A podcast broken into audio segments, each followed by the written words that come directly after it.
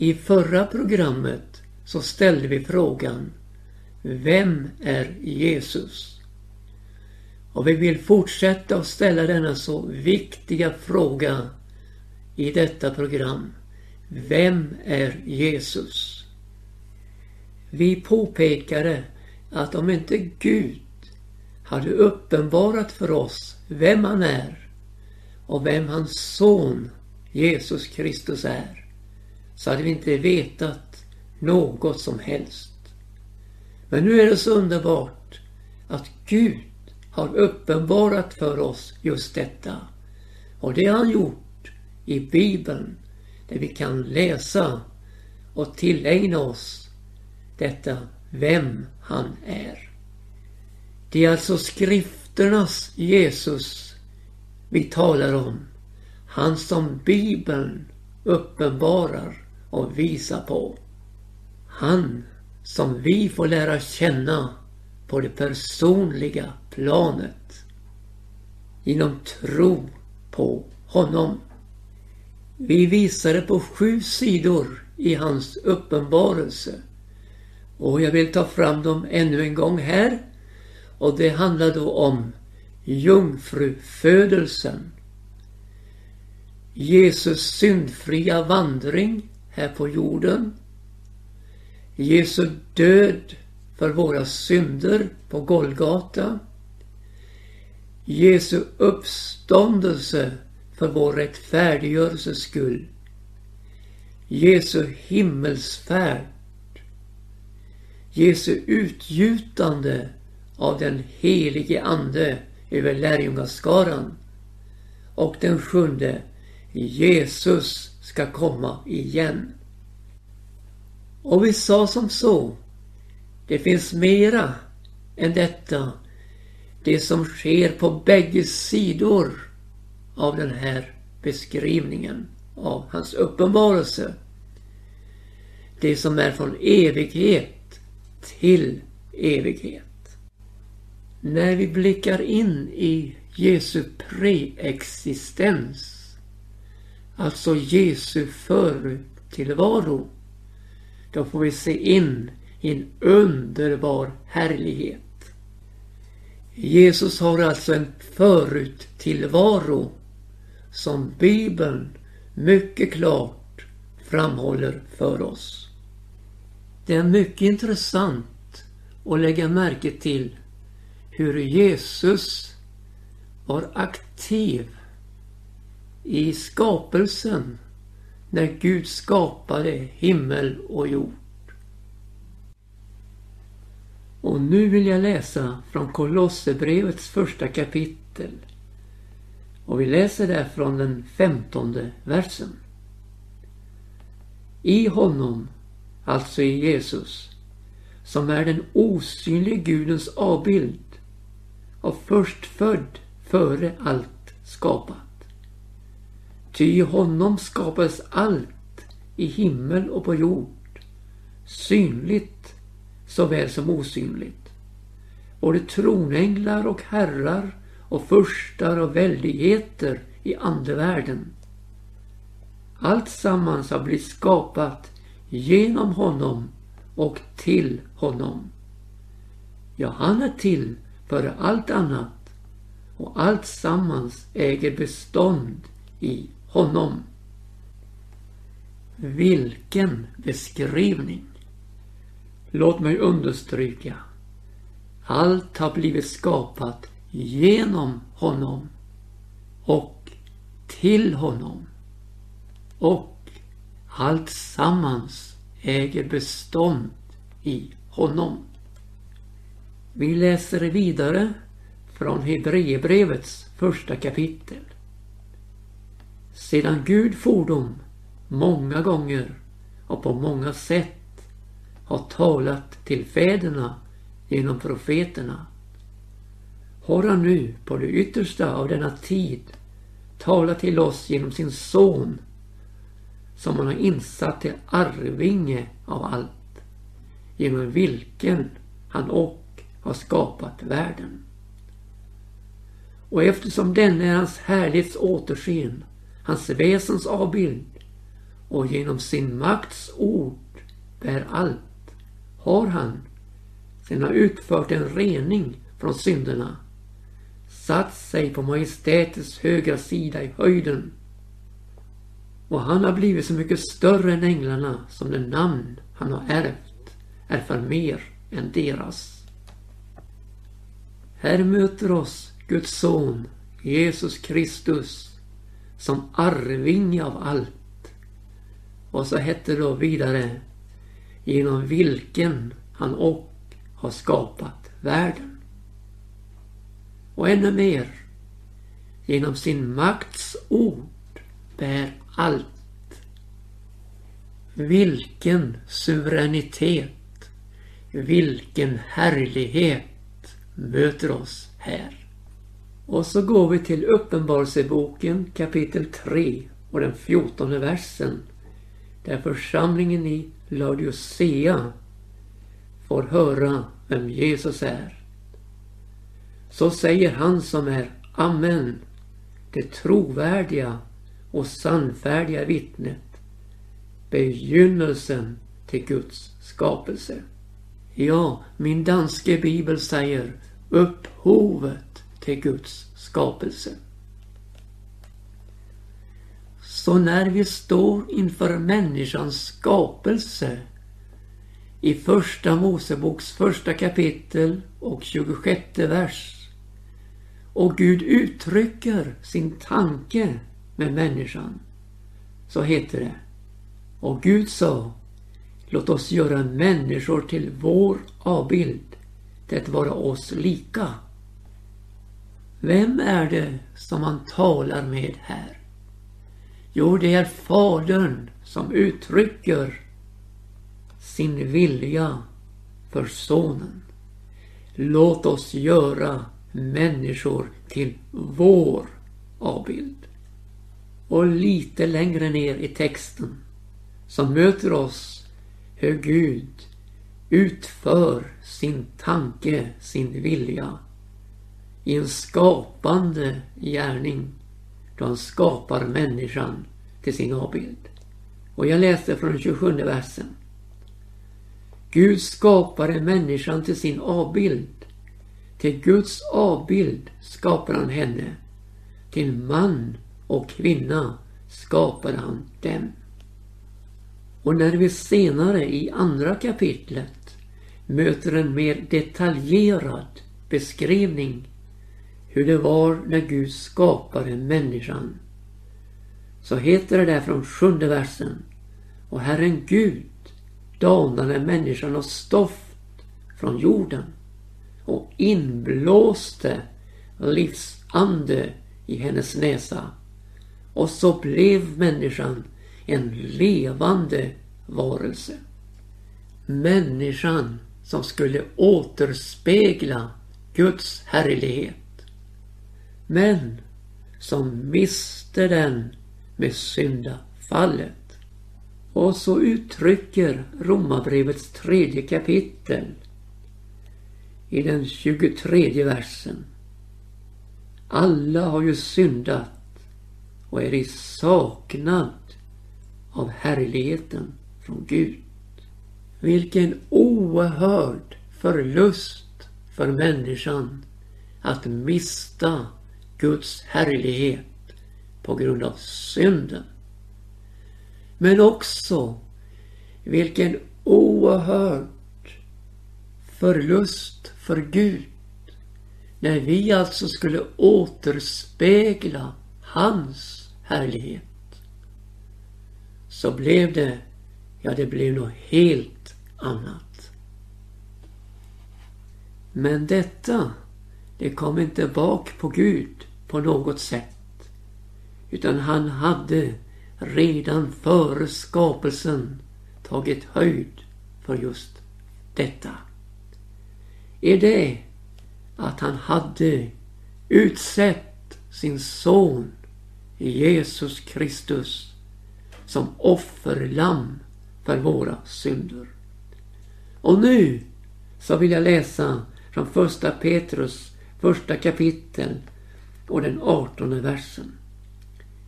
I vet ju att det icke är med förgängliga ting, med silver eller guld, som är blivit lösköpta från den vandel i förden i förfänglighet efter fädernas sätt, utan med Kristi dyra blod, så som är blodet av ett felfritt lamm utan fläck. Och hör nu, så var förutsett om honom före världens begynnelse. Men först nu i de yttersta tiderna han blivit uppenbara för eders skull. I som genom honom tron på Gud, vilken uppväckte honom från de döda och gav honom härlighet så att i det tro nu kan vara ett hopp till Gud. Tänk hur underbart det felfria offerlammet var utsett av Gud före världens begynnelse. Och Jesus, han står där redo redan i evigheten, alltså före skapelsen, att bli Guds offerlamm för våra synder. Med inga protester undervägs, inga tveksamheter. Nej, han står redo att ikläda sig offerrollen. Ja, att bli Guds lamm som bär våra synder. Jag vill ta med från Efesebrevets första kapitel och tredje vers. Välsignad vare vår Herres Jesu Kristi Gud och Fader som i Kristus har välsignat oss med all den himmelska världens andliga välsignelse. Så som han ju förrän världens grund var lagd har utvalt oss i honom till att vara heliga och ostraffliga inför sig. Ty i sin kärlek förutbestämde han oss till barnaskap hos sig genom Jesus Kristus efter sin viljas behag den nådes härlighet det pris varmed han har benådat oss i den älskade. I honom har vi förlossningen genom hans blod förlåtelse för våra synder efter hans nåds rikedom. Halleluja! Och jag läser vidare. Och denna nåd har han i överflödande mått låtit oss komma till del med all vishet och allt förstånd i det att han för oss har kungjort sin viljas hemlighet enligt det beslut han efter sitt behag har fattat inom sig själv. Om en ordning som i tidernas fullbordan skulle komma till stånd.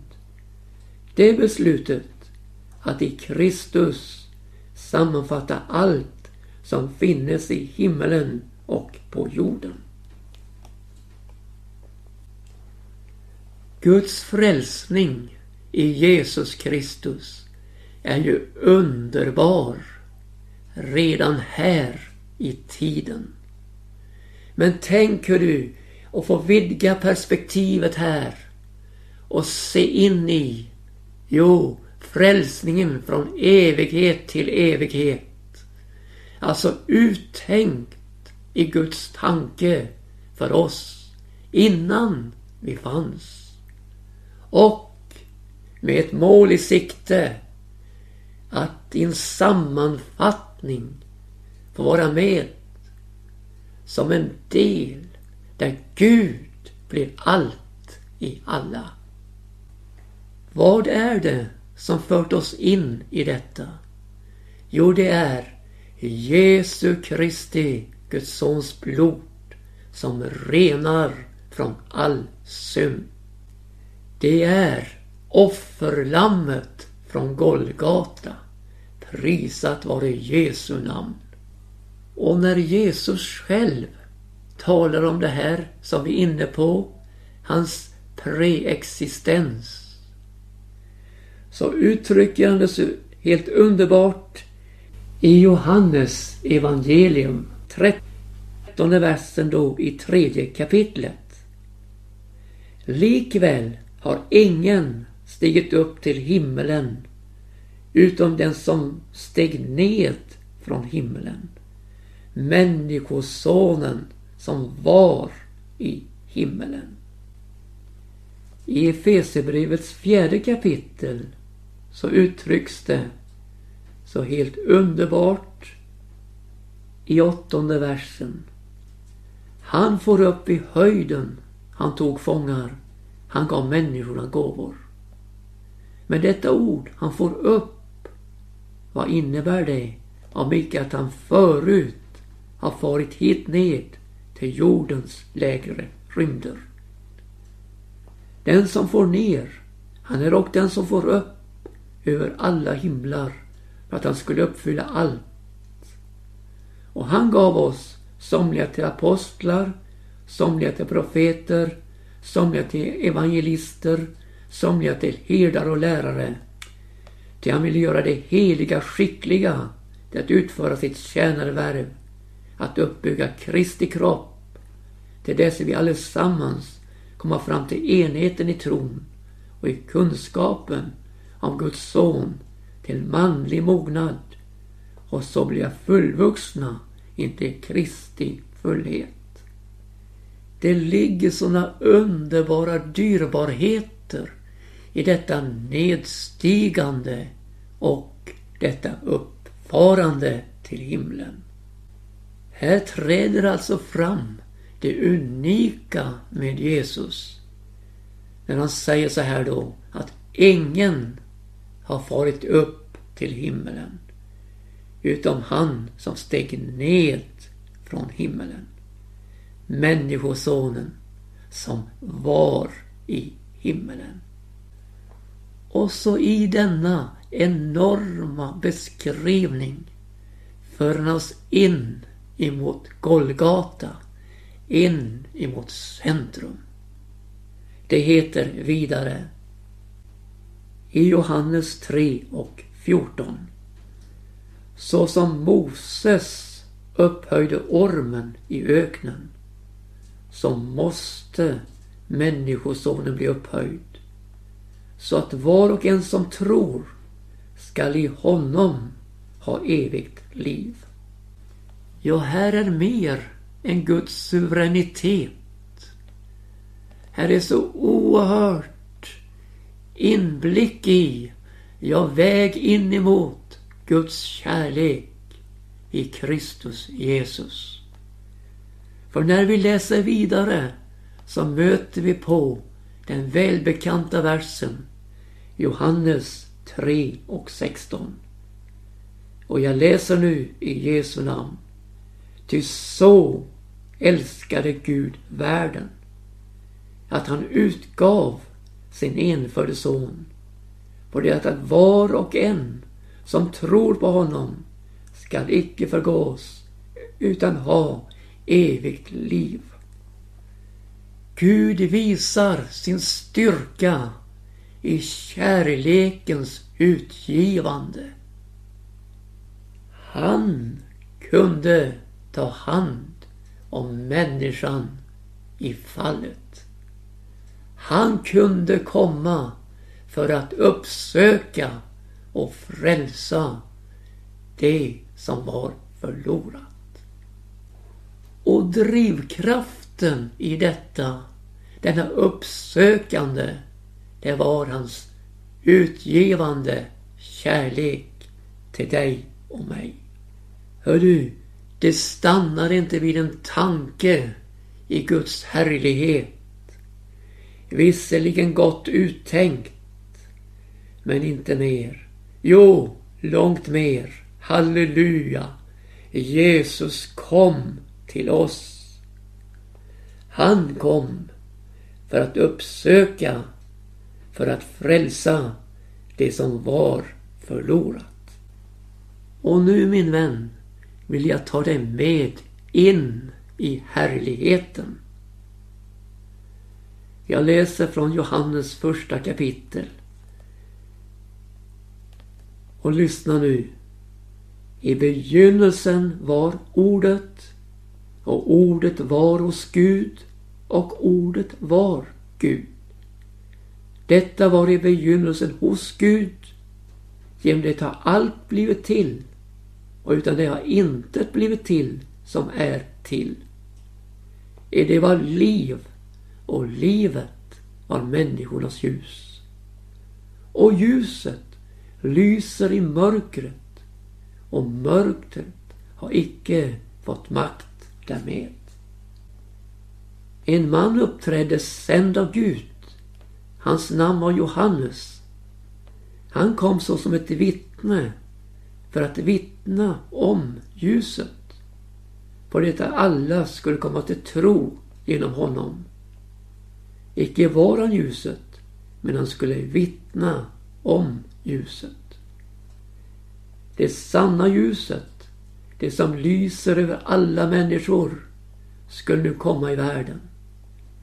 I världen var han och genom honom hade världen blivit till. Men världen vill icke veta av honom. Han kom till sitt eget och hans egna tog inte emot honom. Men åt alla dem som tog emot honom gav han makt att bli Guds barn åt dem som tror på hans namn. Och de har blivit födda, icke av blod, ej heller av kötslig vilja, ej heller av någon mans vilja, utan av Gud. Och ordet var kött och tog sin boning ibland oss. Och vi såg hans härlighet. Vi såg liksom en enfödd sons härlighet från sin far. Och han var full av nåd och sanning. Johannes vittnar om honom. Han ropar och säger det var om denne jag sa. Den som kommer efter mig, han är före mig. Den var förr än jag. Av hans fullhet har vi alla fått, ja, nåd utöver nåd. Ty genom Moses blev lagen given, men nåden och sanningen har kommit genom Jesus Kristus. Ingen har någonsin sett Gud, den enfödde sonen som är i Faderns sköte. Han har kungjort vad Gud är. Från Filipperbrevets andra kapitel och femte vers läser vi. Var en så till sinnes som Kristus Jesus var. Han som var till i Guds skepnad men icke räknade jämlikheten med Gud såsom ett byte utan utblottade sig själv i det han antog tjänarens skepnad när han kom i människogestalt. Så befanns han i utvärtes motto vara såsom en människa och ödmjukade sig och blev lydig intill döden, ja intill döden på korset. I dessa förunderliga, underbara ord vi här har läst så förstår vi att Jesus avklädde sig sin gudoms härlighet och kom i människogestalt. Ja, han kom i tjänarskickelse. Men han var inte utan härlighet. Han hade en härlighet som den enfödde sonen har det från Fadern. Hur yttrade sig detta? Jo, han var fylld av nåd och sanning. Och just denna kombination, nåd och sanning, var vad du och jag behövde i vårt förlorade tillstånd. Där vi levde utan hopp och utan Gud i världen. Vi behövde ställas inför sanningen. Sanningen om Gud och sanningen om oss själva. Men så svepte han in denna sanning i nådens mantel. Ja, ett nådesverk på Golgata. Med nåd utöver nåd. Vi ska nu få lyssna till den underbara sången Nåd strömmar från Golgata. Det är Camilla Eliasson som sjunger i ett tältmöte i Rålambshovsparken i Stockholm. Vid Golgata, jag stod en dag och genom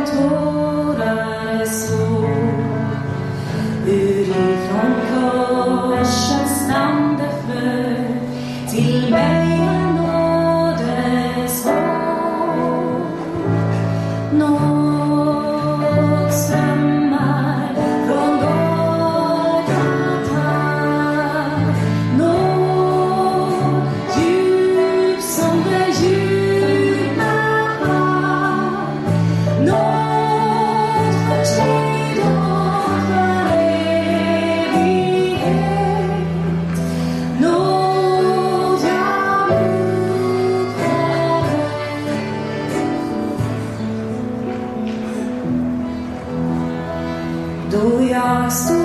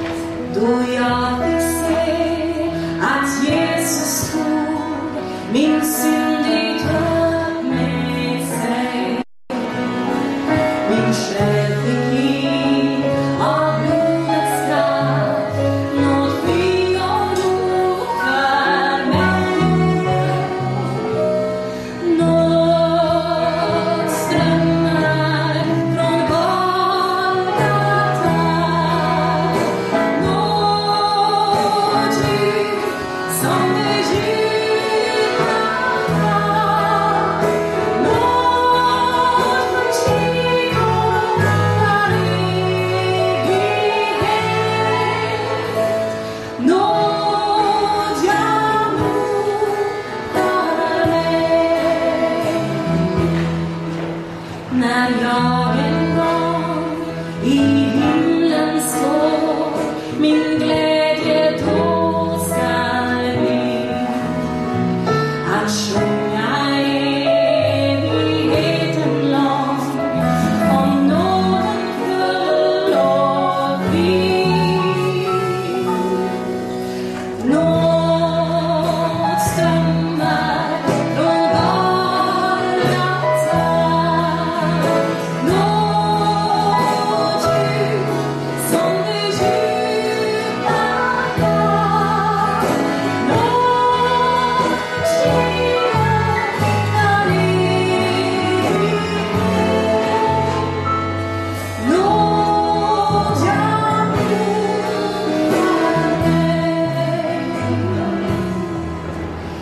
jag are där, mitt hjärta